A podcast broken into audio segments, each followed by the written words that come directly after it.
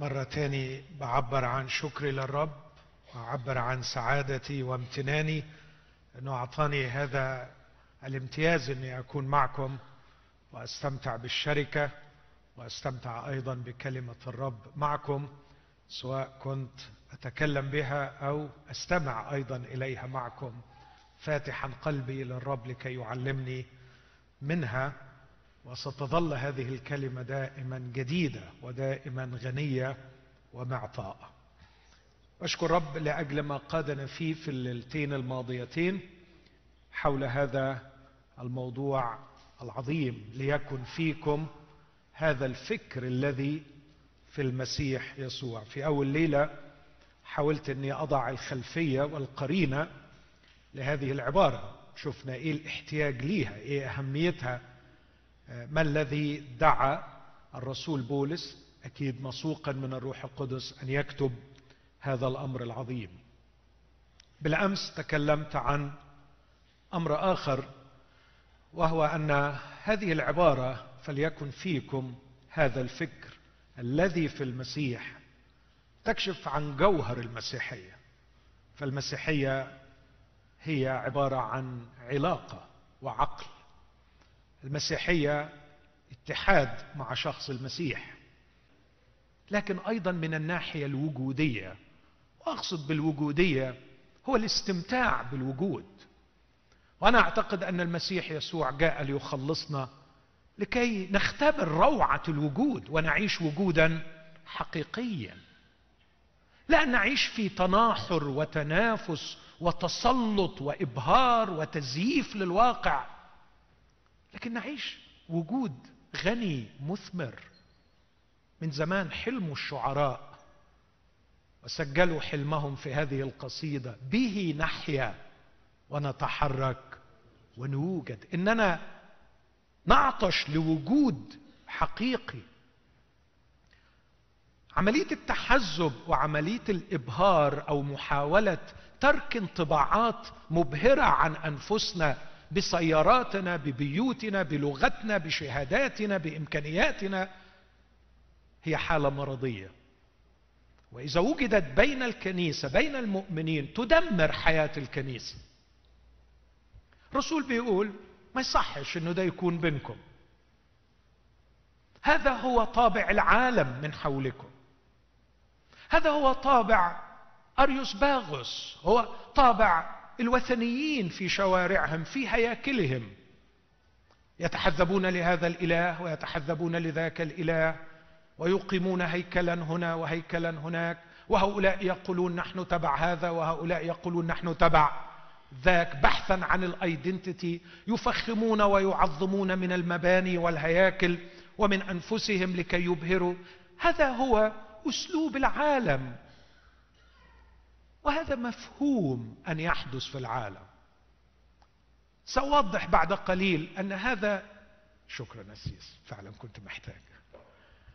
هذا مفهوم أن يحدث في العالم لأنه كما سأوضح بعد قليل أنه أحد نتائج الكارثة الكبرى التي حلت بالبشرية والتي نسميها كمسيحيين كارثة السقوط. السقوط. عندما سقط الإنسان في الخطية دخل الجنس البشري في أبشع مأزق لا خروج منه إلا بالصليب وبقيامة المسيح. إن مأزق السقوط الذي أدخلنا فيه أبونا الأول آدم خسرنا our identity. إننا مخلوقين لكي نستمد هويتنا من علاقتنا بأبينا. عندما خرجنا من محضره خسرنا تعريفنا لأنفسنا. لم نعد قادرين على أن نعرف من نكون. فصرنا نبحث عن حزب أو جماعة ننتمي إليها ونتحزب لها لكي نستمد منها تعريف لمن نكون. وعندما خسرنا علاقتنا بأبينا السماوي خسرنا سلطاننا. فقد خلقنا لنملك. خلقنا لكي نكون ملوكا. قال نعمل الإنسان على صورتنا كشبهنا فيتسلطون. لكني قلت غير مرة وكثيرا ما أكرر. عندما رفض الخضوع لمن فوقه خسر سلطانه على ما تحته. أصبحت الطبيعة تتمرد عليه فأصبح لدينا جوع للسلطان وجوع للإبهار لأننا خسرنا الملك خسرنا التاج خسرنا المجد. بولس بذكاء وعبقرية يقول أخطأوا وأعوزهم مجد الله. التفسير الخاطئ لهذه العبارة أعوزهم مجد الله يعني لا يمجدوا الله. لكن بولس ما بيقولش لم يمجدوا الله. لكن اعوزهم إنهم يحتاجوا إلى مجد من الله. يغنيهم عن هذا المجد الزائف الذي يبحثون عنه. يغنيهم عن هذا الصراع المحموم الغبي نحو تمجيد النفس. لو كنا استمتعنا بالمجد الذي من الله ما بحثنا عن مجد بعضنا من بعض. قال يسوع للفريسين كيف تقدرون أن تؤمنوا وأنتم تطلبون مجدا بعضكم من بعض والمجد الذي من الإله الواحد لستم تطلبونه إننا ضحايا جميعا ضحايا السقوط. ولا عودة أو عفوا لا شفاء إلا بالعودة لحضن أبينا. عندما يقول الضال أقوم وأذهب إلى أبي. وهناك في حضن ابي وتحت غمر قبلاته وفي دفء حضنه أعود وأستلم بطاقة هويتي وأنا أسمعه يقول ابني هذا. فأعرف أني ابن. وعندما أعرف أني ابن يضع في يدي الخاتم فأستعيد السلطان والمجد. فلا أعود في حاجة إلى تحزب لجماعة ولا أعود في حاجة لأن أبهر الآخرين أو to impress others just to take some vain glory. عشان اخذ منهم شوية مجد زائف لا قيمة من وراءه. رسول بولس كان هذا حاضرا في ذهنه وهو بيقول لهم يا إخوتي يا أحبائي يا اللي بحبكم تمموا فرحي. عيشوا مع بعض في حب حقيقي لا شيء بتحزب أو بعجب لكن كأني أرجع إليه وأقول له أيها الرسول المغبوط أنت خير العارفين بأن الخطية ضربت بسرطانها الخبيث في نفوسنا. إن المرض مستشري فينا. إن القبح وصل إلى أعمق أعماقنا. لقد صرنا مضروبين بضربة طرية لم تعصر ولم تعصب ولم تلين بزيت. فالقلب كله سقيم والرأس كله مريض. كيف نعالج من هذه الحالة؟ إذا كنت ترى هذا في الكنائس بعد كل هذه السنين والتعاليم والعبادة كيف نعالج من هذا المرض؟ يقدم العلاج بشكل عبقري. يقول من أجل هذا علشان ما يحصلش ده فليكن فيكم العقل الفكر الذي في المسيح يسوع. يدخل فيك فكر جديد منهج تفكير جديد توجه جديد تفكر في الحياة بطريقة جديدة. تجاوب أسئلة الحياة الكبرى بطريقة مختلفة. تقيم الأمور وتثمنها بشكل مختلف. الأسعار بتختلف عندك. التقديرات والتقييمات بتختلف. هذا لا يمكن أن يحدث إلا إذا صار فيك. فيك حياة المسيح. فيك أحشاء المسيح. لكن أول الكل فيك عقل المسيح. اسمح لي إخوتي هنا أتوقف لأضع خط to underline خط تحت الفكرة دي. إن الله يغيرنا بأن يضع فينا الفكر الذي في المسيح. أرقى فكر أسمى فكر. وأشير إلى فكرة لاهوتية فلسفية أخلاقية بتحاول إنها تتعامل مع مشكلة البشر من الناحية الأخلاقية. أعتقد إنكم كلكم حاسين معايا إن البشر يعانون مأساة حقيقية من الناحية الأخلاقية صح؟ أخلاق حالتها مرار. أين الأخلاق؟ أين الأخلاق؟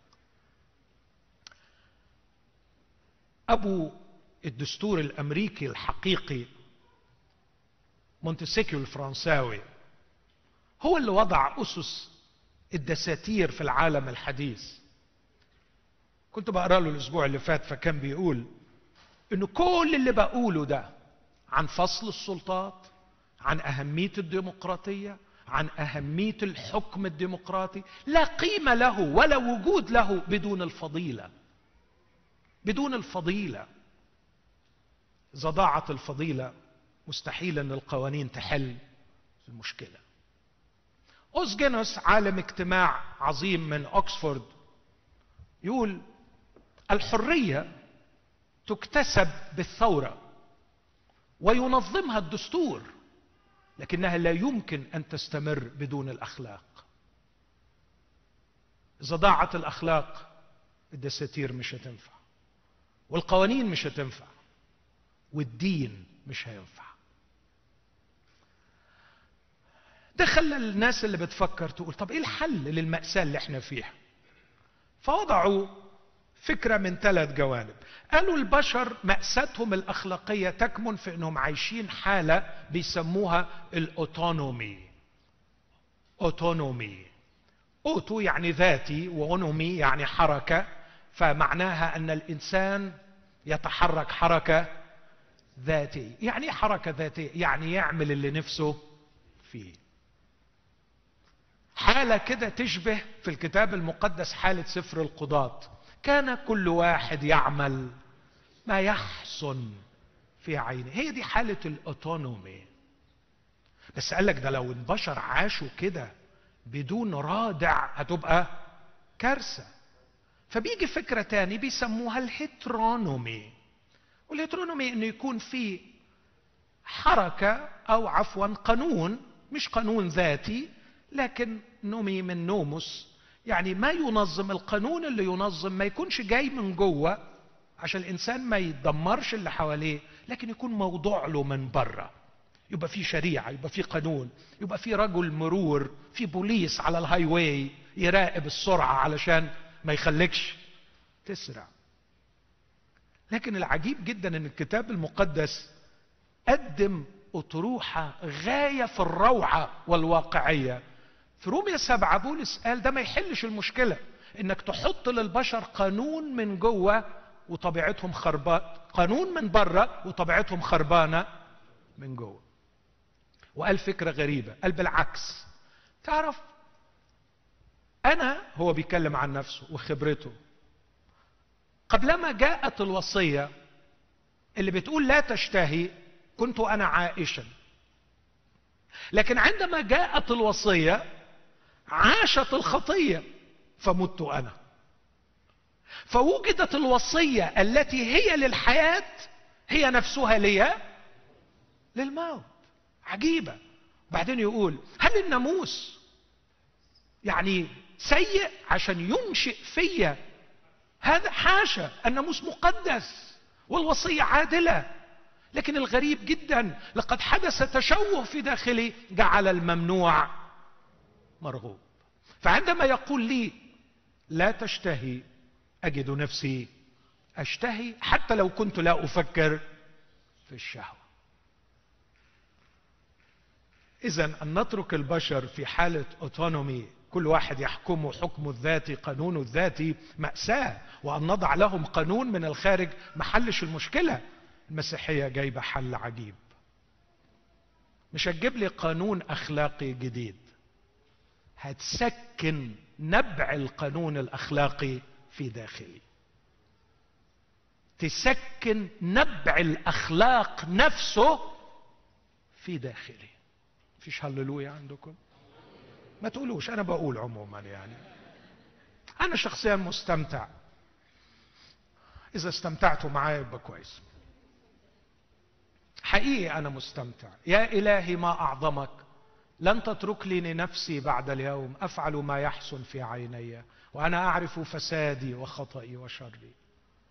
وأشكرك يا إلهي لأنك تعلم عجزي وضعفي فأنا أمام القوانين يحلو لي أن أكسرها وأتعداها. أشكرك يا إلهي لأنك أنعمت علي وأتيت أنت بنفسك نبع الأخلاق لتسكن في داخلي. فأعيش بسهولة بسهولة ليتم حكم الناموس فينا. يتم كل مطالبه بسلاسة بهدوء. نحن السالكين ليس حسب الجسد بل حسب الروح. لأن ناموس روح الحياة في المسيح يسوع أعتقني من ناموس الخطية والموت. أعيش حرا لأطيع. حرا لأحب. حرا أنا حر لذلك لا أشتهي. تخيل؟ مش أنا حر علشان كده أشتهي. نو أنا حر. لهذا لا أشتهي. سموها theonomy. هل من الممكن ثيو الله ونومي القانون. هل من الممكن أن يكون الله نفسه نبع القانون الأخلاقي نبع الفضيلة. يتوحد بي ويسكن في داخلي. فأسلك في القداسة دون شعور بالعبء والقهر والخوف. هذه هي الرسالة المسيحية. هذه هي روعتها. فليكن فيكم الفكر. إنها ليست فرائض تفرض علي. بالترهيب والترغيب. إنها ليست رائحة الشواء في الجحيم هي التي ترعبني من الزنا. كلا. ولا كلام عن نعيم هو يرغبني. فلا أزني. لكن لأن نبع الفضيلة صار يسكن في داخلي. فأحترم أختي وأحترم أخي. أحترم أختي فأراها انسانه وليست جسدا يشتهى. واحترم أخي فلا أشتهي ما لقريبي إنها ليست لي. لا أتعدى على أخي ولا أتعدى على أختي. لأن نبع الفضيلة صار يسكن في داخلي. هذه الرسالة المسيحية. المسيح لم يأتي ليعطينا شرائع نطيعها. المسيح جاء لكي يسكن في داخلنا فيجعلنا نطيع الشريعة بل نكون نحن أنفسنا ممزوجين بالفضيلة وبالشريعة الأخلاقية. هذا هو الفكر المسيحي. لكن الرسول تقدم خطوة أبعد وهو يشرح كيف أن الفكر الذي في المسيح يسوع عندما يسكن في كيف أنه يخلق هذه الفضيلة. وده اللي عايز أقوله إنه الفكر الذي في المسيح تكشف ظهر في التجسد وفي الفداء أو في صليب المسيح. وهتناولها من الناحية الأخلاقية أو الوجودية فقط لأنه من الممكن أن أتناول التجسد من الناحية الكتابية اللاهوتية وممكن أتناوله من الناحية المنطقية لكن الليلة أنا لا هاخده كتابيا ولا هاخده منطقيا لكن هتناوله من الناحية الأخلاقية الوجودية. بس اسمحوا لي بحتة صغيرة من الناحية المنطقية عشان عارف إن في بعض أحبائي بيعثروا في حقيقة التجسد. وأنا بحب أسميها حقيقة وليس عقيدة. فالتجسد ليس عقيدة لكنه حقيقة. قد حدثت مش historical fact حصل. من ألفين سنة في حاجة حصلت على الأرض. الكلمة صار جسدا وحل بيننا. فهي ليست كونسبت ولا عقيدة نؤمن بها لكن حقيقة سجلت ونقرأ عنها نفهمها أحيانا ما نفهمهاش أحيانا مش مشكلة. نقدر نفهم أعمقها ما نقدرش نفهم أعمقها هي في الآخر حقيقة. أنا شخصيا أزعم أني قريت على قد ما أقدر كتير في قضية دوران الأرض حوالين الشمس وما زالت بتجنني مش قادر أفهمها. لكن سواء أنا فهمتها أو ما فهمتهاش الأرض عمالة تدور. مش هتيجي الأرض تقف وتقول يا حرام ماهر مش فاهمها يبقى نوقف. لا الأرض شغالة. والتجسد صار يا صديقي العزيز وحدث منذ ألفي عام. فهمت أو لم تفهمه أمنت به أم لم تؤمن به هو حقيقة. حقيقة. لكن البعض يقول أنا مش قادر أتقبل هذا الأمر لأنه غير منطقي. وأرجو أن نميز بين العمق والغموض واللا منطقية. هل التجسد غامض؟ نعم. اوعى حد يسطح لك المسألة؟ اوعى حد يفهمك إنك عشان تفهم يعني إيه الله يظهر في صورة إنسان دي عملية بسيطة؟ لا لا لا لا لا. الكتاب المقدس قال عن شخص المسيح يدعى اسمه عجيبا. كلمة عجيب مش يعني wonderful. No. mysterious. عجيب. يعني غامض. طبعا. طبعا. كيف أستطيع أن أفهم هذا؟ مهما كانت الصياغات اللاهوتية التي آه، يخدمنا بها إخوتنا اللاهوتيين وهم يحاولوا أن يوصلوا الحقيقة لنا تظل حقيقة التجسد حقيقة الثالوث صليب المسيح. كل هذه الأمور أعمق جدا من عقولنا. إن مأساتنا هي في التسطيح والاختزال إلى أفكار بسيطة عشان نسهل الأمر على أنفسنا. فنفسد جمال الحقيقة. خلونا نقف باحترام ونخلع نعالنا ونقف بحرص. نحاول نفهم. ولما نلاقي روحنا مش فاهمين نقول مش فاهمين. بس كوني مش فاهم هذا لا يجعلها غير حقيقية. اللي عايز اضيفه دلوقتي ولا يجعلها غير منطقية. فكون الشيء غامض لا يعني أنه غير منطقي. الغير منطقي هو الشيء المتناقض. إنك تكلمني عن أعزب متزوج. إنك تكلمني عن مربع مستدير. أعتقد إنه ده كلام غير منطقي متضاد. فهل التجسد من هذا القبيل؟ لا. لكن لو كلمتني مثلا وقلت لي إن الكواركس على ال subatomic level في الذرة إذا قدرت تحدد مكانها ما تعرفش توصفها وإذا وصفتها ما تقدرش تحدد مكانها لأنه على ال subatomic level في تعقيدات معينة أنا مش فاهم. حقيقة أنا مش فاهم بس مصدق لأنه علماء ال quantum قالوا كده لكن أكتر لأنه مش متضاد. مفيش contradiction في الكلام ده. فالسؤال اللي بطرحه هل التجسد يحمل contradiction خلوني أفكر معاكم بطريقة سريعة قوي. أبين مش إن أنا فاهم التجسد لكن أقول إن التجسد لا يوجد فيه contradiction من الممكن إنه بلغة الفلسفة جائز منطقيا جائز معرفيا. أفكر فيه كالاتي أقول مثلا الله بالتعريف by definition هو أعظم كائن يمكن للعقل أن يتصوره. ومن المنطقي أن أعظم كائن يمكن للعقل أن يتصوره لابد أن يكون كائنا علاقاتيا. رايت صعب جدا إني أتخيل اسمى كائن في الوجود وما يكونش قادر على إقامة علاقات.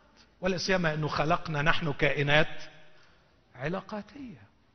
والكائن العلاقاتي بالمنطق هو كائن علاقاتي ويسمى علاقاتي لأنه قادر على التواصل يتواصل مع الآخرين وهو لا يتواصل إلا في حالتين العجز أو الغرور والتعالي على الآخرين. لكن بما أن الله هو اسمى كائن يمكن للعقل أن يتصوره وهو كائن علاقاتي وهو هو الفضيلة نفسها لا يليق به العجز أو الغرور والتعالي فإذا هو كائن يتواصل. وبما أنه هو أسمى كائن يمكن للعقل تصوره فلا بد أن يكون نوع تواصله هو أسمى أنواع تواصل. وأنا أعتقد أن التواصل الراقي لا يتوقف عند حد توصيل الأفكار بالكلام لكن التواصل العميق الراقي يصل إلى ما هو أبعد يصل إلى أن يتصل ويتحد بمن يتواصل معه. وبالتالي لا يليق بالله في تواصله معنا. أن يتوقف تواصله عند حد إرسال كلام من خلال الأنبياء لكن كان لابد باعتباره اسمى كائن يمكن للعقل تصوره وهو كائن عظيم في تواصله أن يتواصل حتى يتصل ويتحد بنا وهذا هو التجسد. التجسد ليس إلا عملية اتحاد ليس تحول.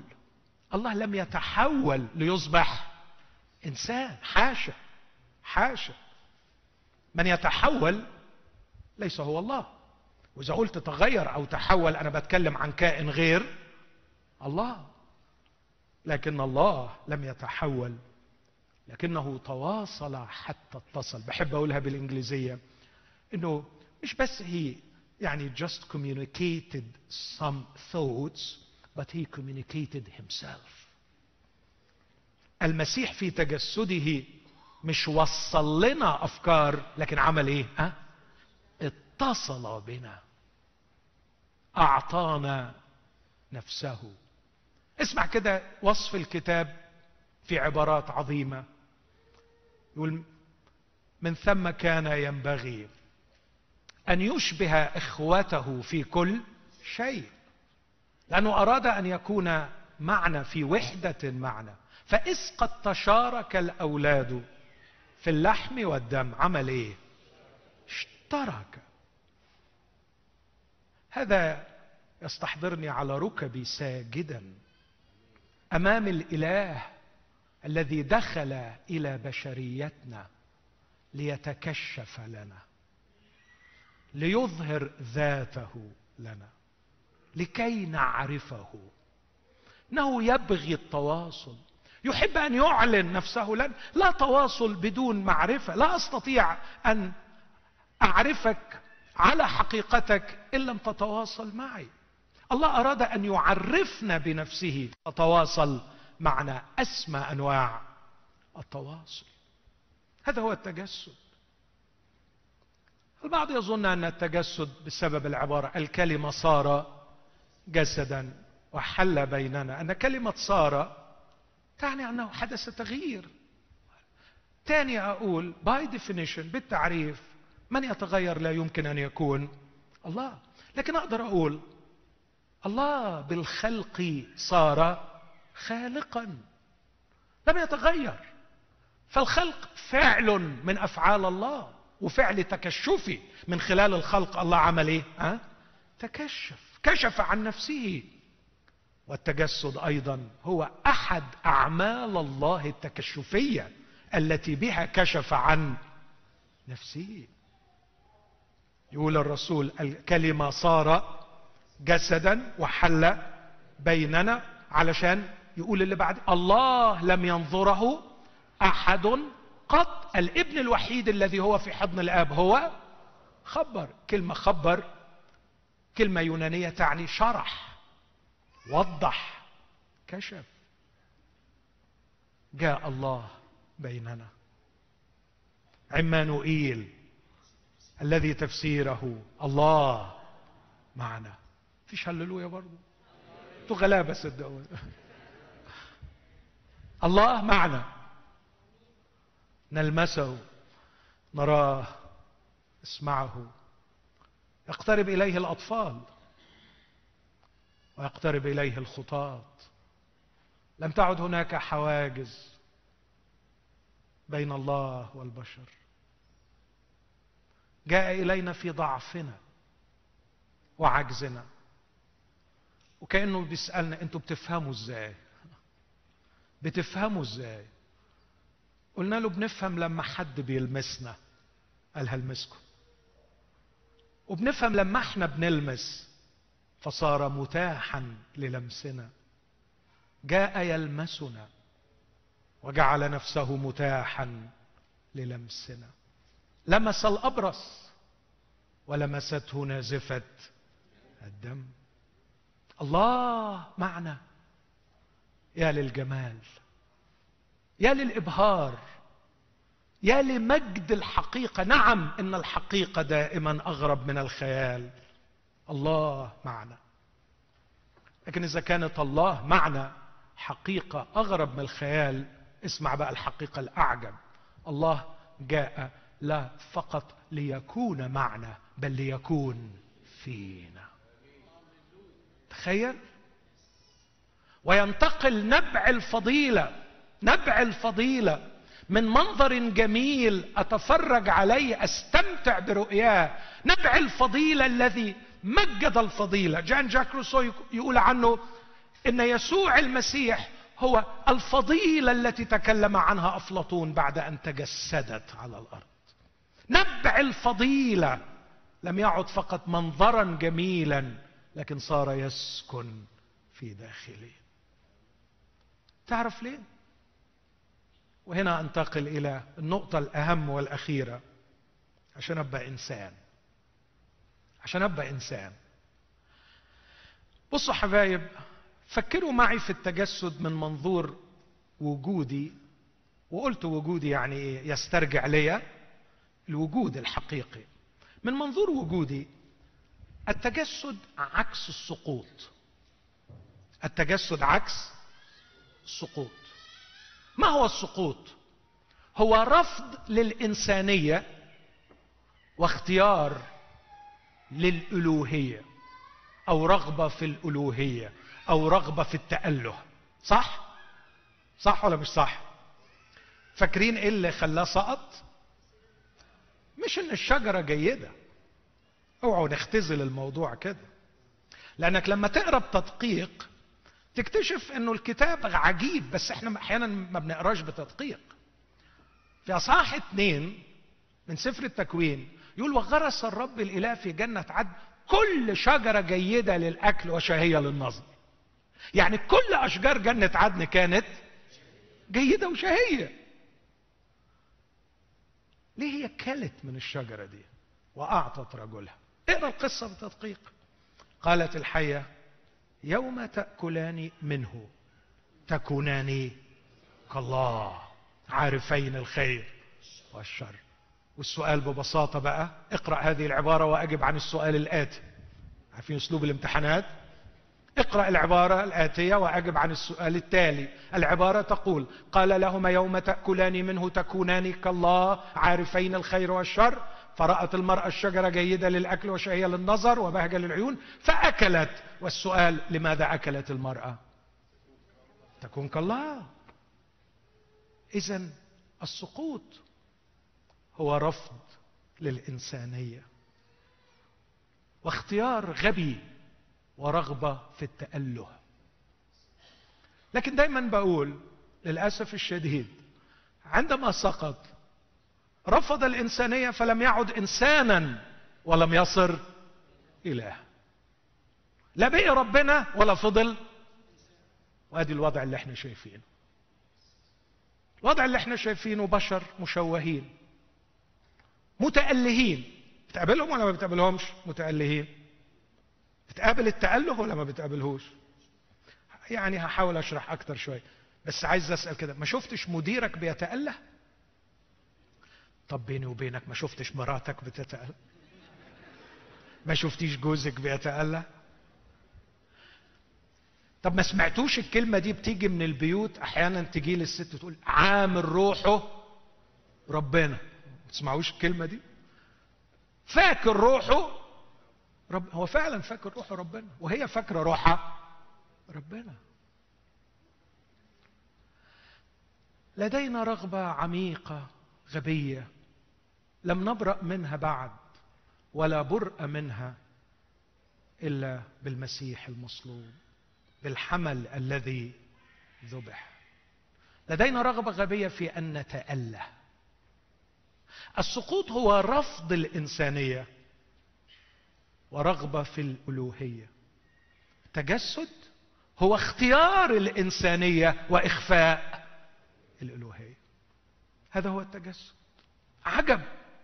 عشان كده من أول ليلة قلت أن التجسد هو الترياق الواقي الوحيد لمأساة السقوط.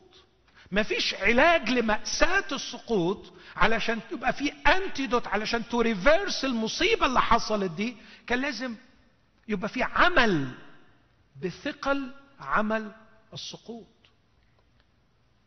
فرأينا الله يختار الإنسانية. ويخفي الألوهية.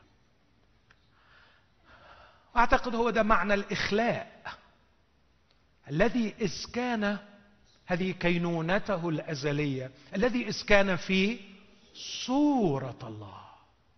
وهو في هذه الحالة لم يحسبه مغنما يتطلع إليه أن يكون معادلا لله لأنه هو قائم في معادلة لله. ده معنى الآية. لم يحسب خلسة أن يكون معادلا لله يعني لم يحسبه مغنما يتطلع إليه أن يكون معادلا لله إذ هو كائن وقائم في صورة الله من الأزل. لكن وهو في هذه الحالة من المعادلة لله كأقنوم في اللاهوت. عمل إيه؟ أخلى نفسه. أخلى نفسه. اقاويل كثيره تقال عن هذه الكلمة مضرة أحيانا. أخلى نفسه. آه كلمة ليست سهلة لكن ينبغي أن تفهم في ضوء قرينتها ولا نتوقف فقط عند المعنى اللغوي أو القاموسي للكلمة الكينوزس. لكن أخلى نفسه ببساطة شديدة. أخفى مؤقتا. مجد اللاهوت وراء حجاب الناسوت. أخفاه واختار الإنسانية. على العكس من السقوط الكلمة صار بشرا ترجمة الأدق صار بشرا وحل بيننا. هذا هو رد صلاح الله على حماقة الإنسان. الإنسان يبغي أن يرتفع. الله يرد عليه بأنه ينزل ويتضع. الإنسان يرفض إنسانيته ويرغب في التأله. فيخفي الله ألوهيته ويختار إنسانيتنا. وأقول اختار إنسانيتنا حتى صار إنسانا أكثر من آدم. فآدم لم يختبر خبرة الوجود في الرحم تسعة أشهر. أما المسيح فقد عاش هذه الخبرة. عاش في رحم المطوبة العذراء. تسعة عاش الإنسانية من دي زيرو من من دي وان عاش الإنسانية وذاق معنى الوجود في الرحم وذاق معنى الولادة وعاش طفلا. عجب ما زلت بقول عجب وما أقدرش أفهمها. أحيانا كان يستدعي من داخله يستدعي بإرادته الحرة إمكانياته الإلهية ويظهرها لكن لم يكن هذا هو الوضع الدائم. كان الوضع الدائم أنه يجوع ويعطش ويتعب من السفر وينام ويتوجع ويتألم ويئن. كان يعيش إنسانا لكن بين الحين والآخر كان يدخل إلى أعماقه ويستدعي طبيعته الإلهية ويظهر مجدها. مرات عديدة حدث هذا الأمر. في وقت من الأوقات كانت طبيعته البشرية تمارس وضعها الطبيعي جدا. فنام في مؤخر السفينة على وسادة وهاجت الريح وكادت السفينة أن تغرق فصرخوا فيه أما يهمك أننا نهلك؟ فقام وقال للبحر اسكت ابكم. فصار هدوء عظيم. اسمعوا تعليق التلاميذ. قال التلاميذ من هو هذا؟ حتى أن البحر والريح أيضا يطيعانه وسجدوا له. سجدوا له. لم يكن دائما يظهر طبيعته الإلهية لكن كان يستدعيها بين الحين والآخر. لكنه اختار بارادته الحرة أن يخفي الطبيعة الإلهية وراء حجاب الجسد. وعشان كده بولس سماه في العبرانيين سمى الجسد حجاب. يقول إننا لنا ثقة بالدخول إلى الأقداس طريقا حديثا حيا كرسه لنا المسيح بال بالحجاب. أي جسده. اعتبر أن الجسد عبارة عن حجاب. اختار الإنسانية. وأنا شخصيا مستمتع بهذا الأمر وأتمنى أنكم تستمتعوا معايا به. لقد صار المسيح الذي هو الله المتجسد فيا لكي يجعلني أختار الإنسانية. أختار إني أكون إنسان. وأنا الحقيقة أسمى أمالي حاليا أنا بتكلم بصدق ومن خبرة شخصية أسمى أمالي حاليا إني أكون إنسان. أنا مش عايز أكتر من كده من الدنيا دي. عايز قبل ما أسيبها يشهد عني بأني كنت إنسان. لكن من أين لي؟ أي مدرسة أذهب إليها تستعيد إلي إنسانيتي؟ أي كنيسة أنتمي اليها أي ديانة اعتنقها لا أعرف شخصا أو معهدا أو فلسفة تستعيد إلي إنسانيتي إلا مخلص قد مات من أجلي وقام وسكن في وهو إنسان لكي يستعيد لي هذه الإنسانية المفقوده هل تعرفون جمال الإنسانية أحبائي؟ هل تعرفون روعتها ومجدها وبهاءها؟ ألم يغني عنها داود قائلا من هو الإنسان حتى تذكروا وابن آدم حتى تفتقدوا بمجد وبهاء كللته؟ هل تعرفوا جمال الانسانيه لماذا لا نشتهي الإنسانية؟ لأننا فقدنا ملامحها. لم نعد نعرف ماذا يعني أن تكون إنسان. بليز just google it. اكتب السؤال ده. What does it mean to be human? أتحداك تلاقي إجابة. اكتب السؤال ده على جوجل. What does it mean to be human? هتلاقي مئات المحاضرات من شتى ال ال ال الشيع والفلسفات. وهيودوك البحر ويرجعوك عطشان عايز تعرف من هو الإنسان؟ بيلاطس البنطي عمل عمايل سودة هيتحاسب عليها.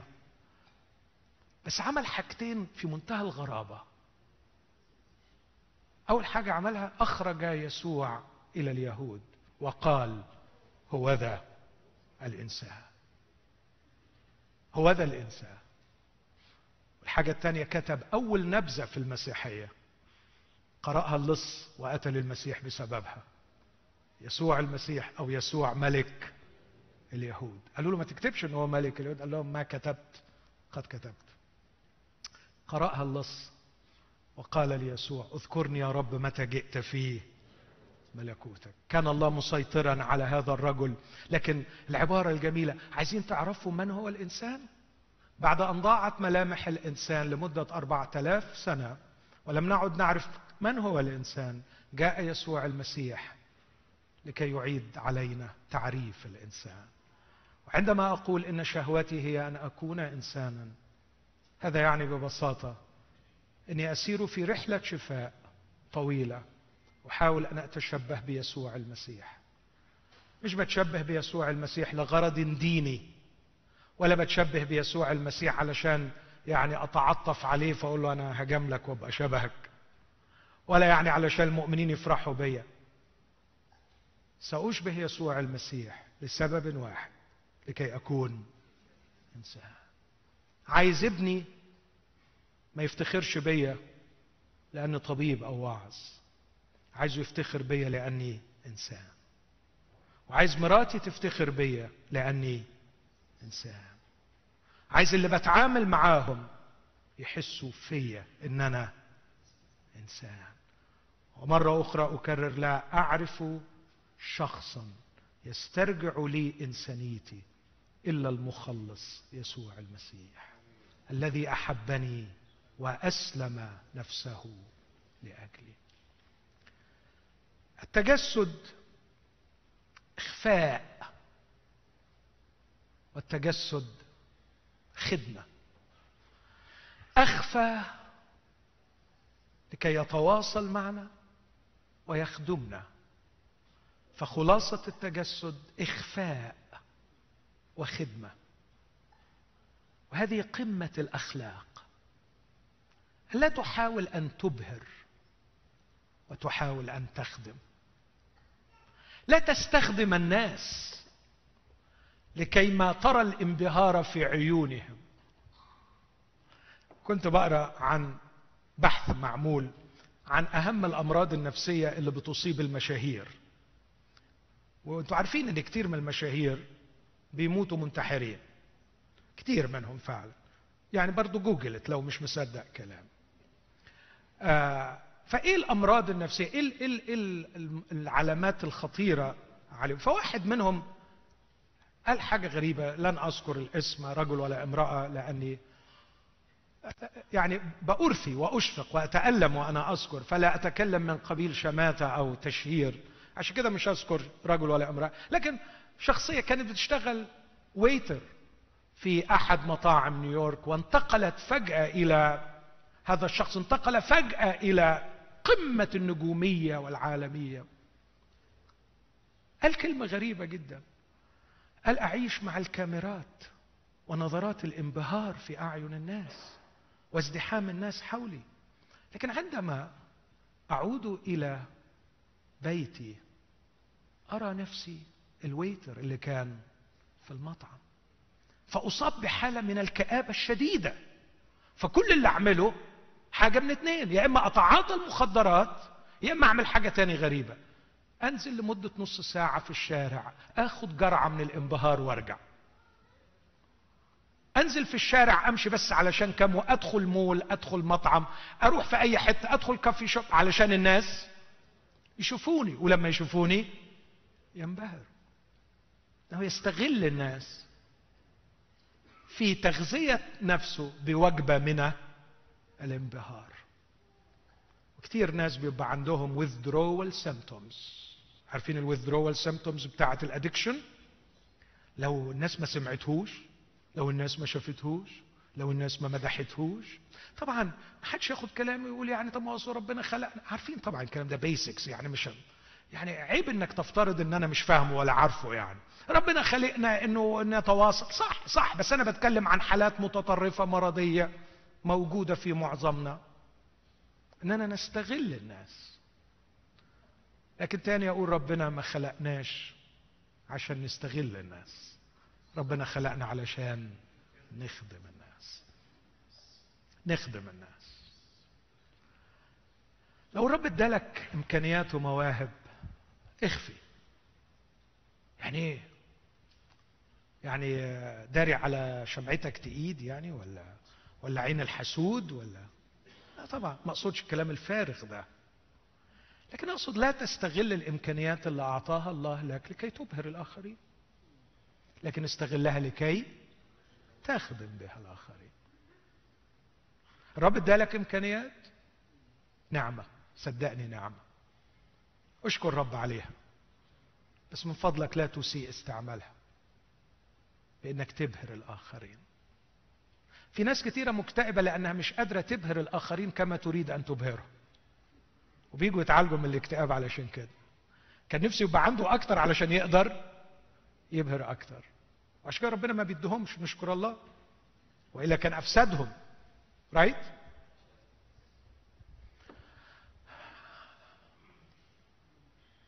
محاولة الإبهار واستغلال الآخرين وكمان التسلط عليهم. وعلى فكرة محاولة الإبهار هي محاولة من التسلط. لما تحاول تبهر الآخرين أنت تحاول أن تسيطر على وعي الآخرين لكي يأخذوا عنك صورة أنت تريد أن توصلها له فدي سيطرة على الآخرين. جاء يسوع المسيح بالعكس يخفي مجد لاهوته في حجاب نسوته وينزل عند الأقدام يغسلها. تخيل ابن الإنسان لم يأتي ليخدم بل ليخدم ويبذل نفسه فدية عن كثيرين. ما جاش يتخدم ما جاش يسيطر. هو كان يقدر يسيطر؟ طب ادي لك مثل واحد لما جاءوا لكي يقبضوا عليه في البستان من تطلبون؟ يسوع الناصري. أنا هو. اظهر استدعى لمحة من مجد يهوى وقال كلمة أنا هو أنا هو احيا تعرف إيه اللي حصل؟ رجعوا وسقطوا. غالبا وقعوا على ظهرهم. موجة من المجد الإلهي طرحتهم على ظهورهم. كان يقدر يبيدهم. لكن لا أقامهم. قال لهم من تطلبون؟ قالوا لي يسوع النصري قلت لكم أنا هو. دعوا هؤلاء يذهبون. أما أنا فهو. خذوني أنا. لأموت عنهم. بعدين يوحنا يعلق يقول لكي يتم قول الكتاب الذين أعطيتني لم أهلك منهم أحد. حدش فيهم اتخدش بيخدمهم. نحن أعضاء جسد المسيح زي ما كنا بنرنم. يا إخوتي الأحباء لسنا هنا في الأرض لكي نتسلط ولا لكي نبهر. ان معلمنا وراسنا المسيح.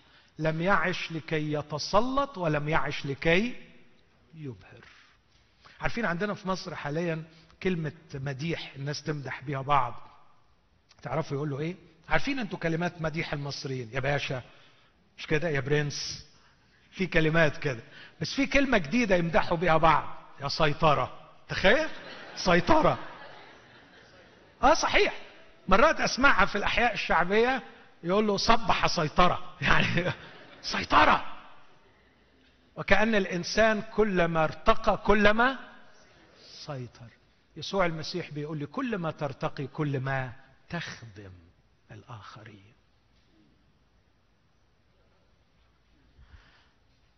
من أسابيع قليلة جدا كانت زوجتي جاية في المطار ورحت أستقبلها. فأحد الأشخاص المؤمنين الحلوين اشتغل في هذا المطار فساعدها بعدين خدني على جنبه وقال لي عندي مشكلة. وقفت معاه قال لي مديرتي تذلني تقهرني تتعامل معايا بشكل قاسي للغاية. قلت له طب وانت شايف إيه في الموضوع ده؟ شايف رؤيتك للقضية دي إيه؟ قال لي رؤيتي أنا بقول لها أنا ليا إله عظيم يهتم بي وهينصفني. قلت له مع تقديري للي أنت بتقوله لها ما يهمش أنت بتقول لها إيه لكن أنت لما بتروح بيتكم بتقول لنفسك إيه. قول لي بالليل قبل ما بتنام أنت بتقول لنفسك إيه. قال لي بصراحة عشان أكون أمين معاك بقول لنفسي إنها هتطيرني من الشغل بتاعي. قلت له إذا ما اتعالجتش دي مفيش علاج. راجع نفسك في الأمر ده وصحح اللي بتقوله لنفسك في الخفاء. استعيد ثقتك في الله في الخفاء مش في الكلام اللي بتقوله للناس. مرات كتير بنرنم أسمى ترانيم في الاجتماع. وانت معايا وأنا في ضمان وأنا في طمان ومش هتحصل لي حاجة بس لما نيجي ننام بالليل مفيش نوم. إذا ما تصلحش ما نقوله لنفوسنا مفيش حاجة هتتصلح. المهم بعت لي رسالة من ثلاثة أيام. فعلا نزلت دموعي. قال لي شخص لقيته واقف محتاس. وبعت لي اللي كتبه الشخص ده على الفيسبوك. شخص كاتب على الفيسبوك إنه هو نزل وصار في موقف بيقول أسوأ موقف في حياتي. عمري ما كنت في الموقف ده. ما لقيتش شنطتي في المطار. والشنطة دي فيها كل الأمور المهمة بتاعتي. لكن في شخص رآني من بعيد ومن ملابسه عرفت أنه يعمل في هذا المطار. لكن قلت من يهتم بمن في هذه البلاد؟ لا أحد يهتم بي. لكن وجدته يقترب مني ويسألني عندك مشكلة؟ قلت له على مشكلتي. أخذني وابتدأ يعمل اتصالاته الشخصية من تليفونه الشخصي ساعات وهو معي ولم يتركني حتى عادت إلي حقيبتي. لا أعرف من أين أتى هذا الملاك. بعدين في الآخر بيشكره فهو الشخص اللي بيكتب شخص غير مسيحي بيقول قال لي كلمة غريبة. قال لي لا تشكرني يا أخي فالله خلقنا لكي نخدم أحدنا الآخر. بعدين من تحت. امتناني عميق لك يا فلان. أنا قراءتي لهذا الأمر. لقد صار أخي إنسانا على صورة المسيح. وجسد في عمله الحياة المسيحية أعظم من مئة وعظة على المنابر. الغريب جدا أن الوزير قرأ ما كتبه هذا الشخص. فأرسل للمديرة لا عرفيني بهذا الشخص. فهي اللي بعتاله وبتقول له الله ما بينساش أجر حد. الله ما بينساش أجر حد. هذه هي المسيحية. أعتقد اخويا الحبيب يشاهد الآن استاذنه إني حكيت حكايته. هذه هي المسيحية. أن الله يجعلني إنسانا. لا أرغب في أن أسيطر. عايز أختم بسرعة وأقول ارجعوا اقروا قصة حزقية الملك. كلنا بنقرأ قصة حزقية في وقت المرض وكلنا بنعزي بعض في وقت المرض بحكاية حزقية. رأيت دموعك سمعت صلاتك وسأشفيك وبنقفل الحكاية على كده. الله يسامحكم. كملوا الحكاية. لما ربنا اداله الصحة عمل إيه بيها؟ عمل إيه بيها؟ استعملها أسوأ استعمال يا ريته ما كان خدها.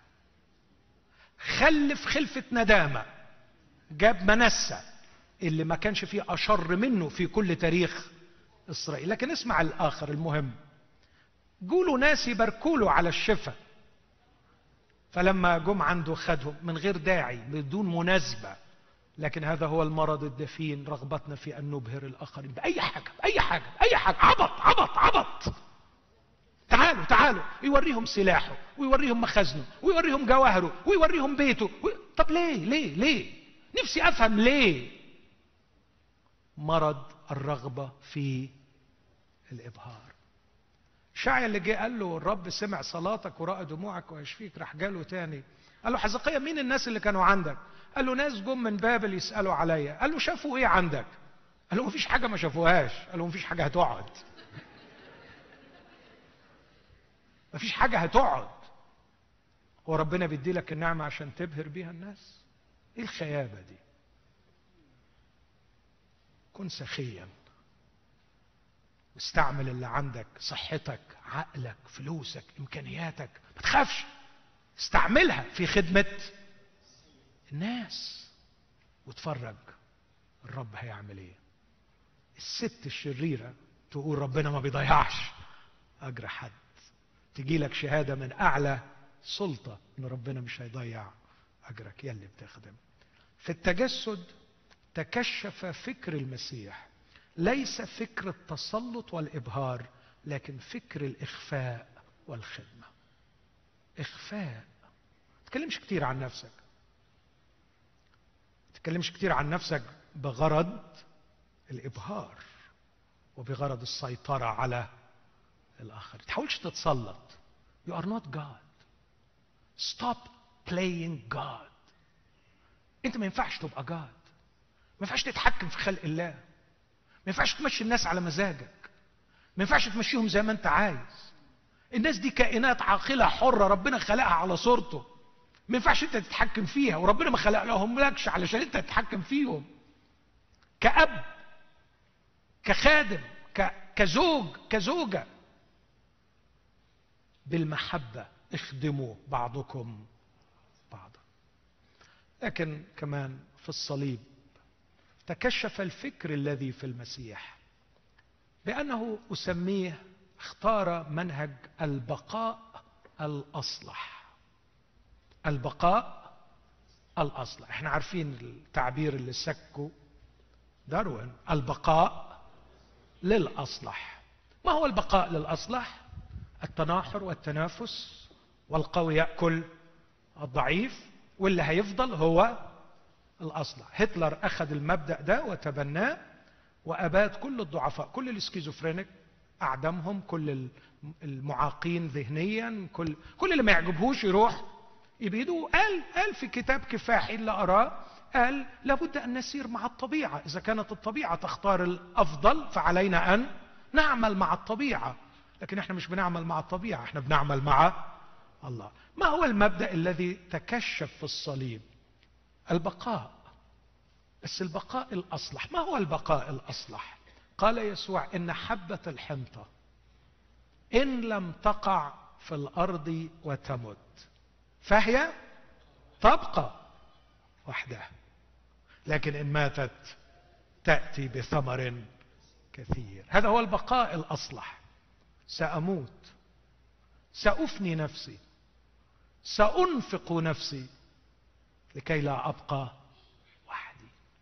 أريد أن الآخرين يشتركوا معي في الخير والصلاح. أريد أن أن الآخرين يستمتعوا بالوجود الحقيقي. يقول بولس تلميذ المسيح إني أنفق وأنفق من أجلكم. يسوع المسيح لم يحتفظ بنفسه لكن تركها تهدر دمائها. هو ده الفكر اللي في المسيح. إذا عايز تكون تلميذ للمسيح تبنى فكر المسيح. فكر المسيح ما تدفدفش على نفسك وتخاف عليها وتحطها في علبة قطيفة ونقفلها هتسوس عارف يعني إيه هتسوس؟ هتبوظ في ناس كتير مسوسة لأنهم حطوا روحهم في علبة قطيفة وعملوا إيه؟ ها؟ وقافلين عليها بس حبة الحنطة مش مخلوقة علشان تتحط في علبة قطيفة ولا في علبة ذهب حبة الحنطة مخلوقة علشان تقع في الأرض وتب ما تخافش على روحك قوي. في ناس my space my privacy انت لازم تحترم هذا space بس لما تعيش obsessed my space my privacy my money حاجتي وخايف على روحك خايف على روحك هتعطل وهتتحلل وهتفسد وانت خايف على روحك. وياما ناس عاشوا لغاية ما تعطنوا وهم عايشين. ماتوا في توابيتهم قبل أن يدفنوا في قبورهم. تابوت الأنانية والعيشة من أجل الذات. أما يسوع المسيح فجاء أول الجزء تجسد ثاني الجزء الصليب. ابن الإنسان لم يأتي ليخدم بل ليخدم وإيه كمان؟ ويبذل. نفسه. هذه هي دعوة المسيح لنا أحبائي. فليكن فيكم الفكر الذي في المسيح يسوع. تيجوا نعمل كده بنعمة الرب؟ خلونا نقف مع بعض مع أخونا ناصف وإحنا بنشتاق أن نكون مسيحيين حقيقيين وأن نكون تلاميذ بحق لهذا المعلم الذي شرفنا واختارنا لنكون تلاميذه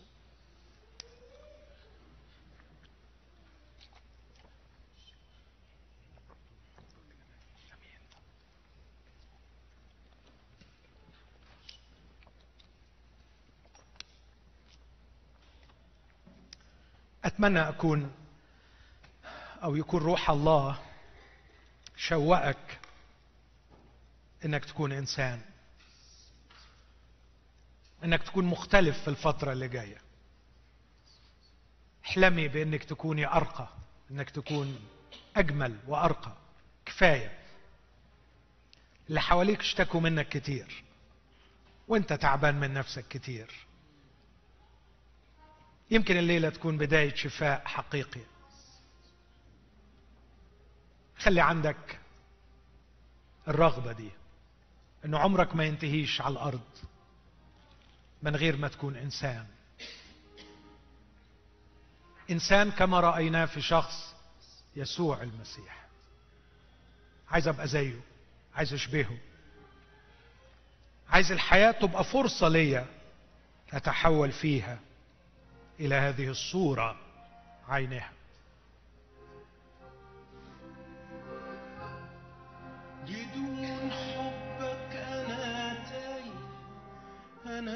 تايه ماليش عنوان ماليش في مكان. بدون روحك أنا ميت أنا ميت بلا أكفان بلا إنسان. لكن جايلك وحبة خردلة زرعت من الإيمان من الإيمان. وأنا جايلك وحبة خردلة زرعت من الإيمان. حركت قلب الجبل قامت نقل نواحي النور هيأت قلبي اتبدل فرحي اكتمل وأنا مسرور. حركت قلب الجبل قامت نقل نواحي النور هيأت قلبي اتبدل فرحي اكتمل وأنا مسرور وده سرور إن أنا إنسان بعيش الصورة من تاني على صورتك. وده وجودي في وضوح الآن بتحرك بإيماني في حمى دمك.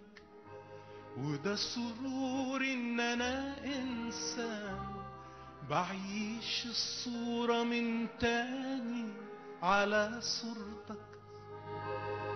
وده وجودي في وضوح الآن بتحرك بإيماني في حمى دمك تحت رايتك أنا راجع تخبيني في توب الروح تحت رايتك أنا خاضع وده جبيني عليه اسمك تحت رايتك أنا راجع تخبيني في توب الرك تحت رأيتك أنا خاضع وده عليه اسمك. أنا في المسيح إذا أنا موجود. أنا في المسيح إذا أنا إنسان. أنا في المسيح إذا أنا إنسان. إذا أنا إنسان. إذا أنا إنسان. آمين. أتمنى من كل واحد فينا أنه يردد العبارة دي مرة تاني مع ناصف. أنا في المسيح. اذا أنا إنسان. ويكون حلمي في الأيام اللي جاية أعيش الصورة من تاني على صورتك. ويكون اسمك على جبيني. فالناس تعرف إني شبهك إني تلميذك. ساعتها لما أشهد عنك يبقى كلامي مقبول ومؤثر. خلونا نفهم الإنسانية الحقيقية في كلمتين صغيرين. أنا مش هحاول إني أسيطر. لكن بنعمة الرب هحاول إني أخدم. وأنا مش هحاول إني أبهر لكن أنفع الآخرين بما عندي.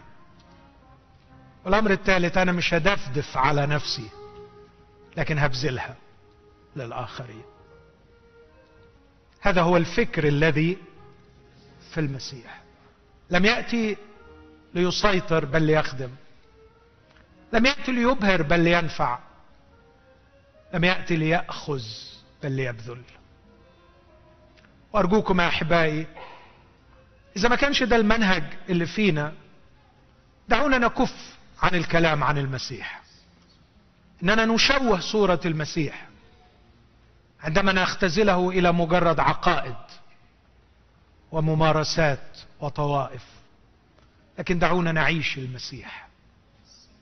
نعيش بأن نخدم ننفع نبذل. آمين. وده السرور إن أنا إنسان. بعيش الصورة من تاني على صورتك.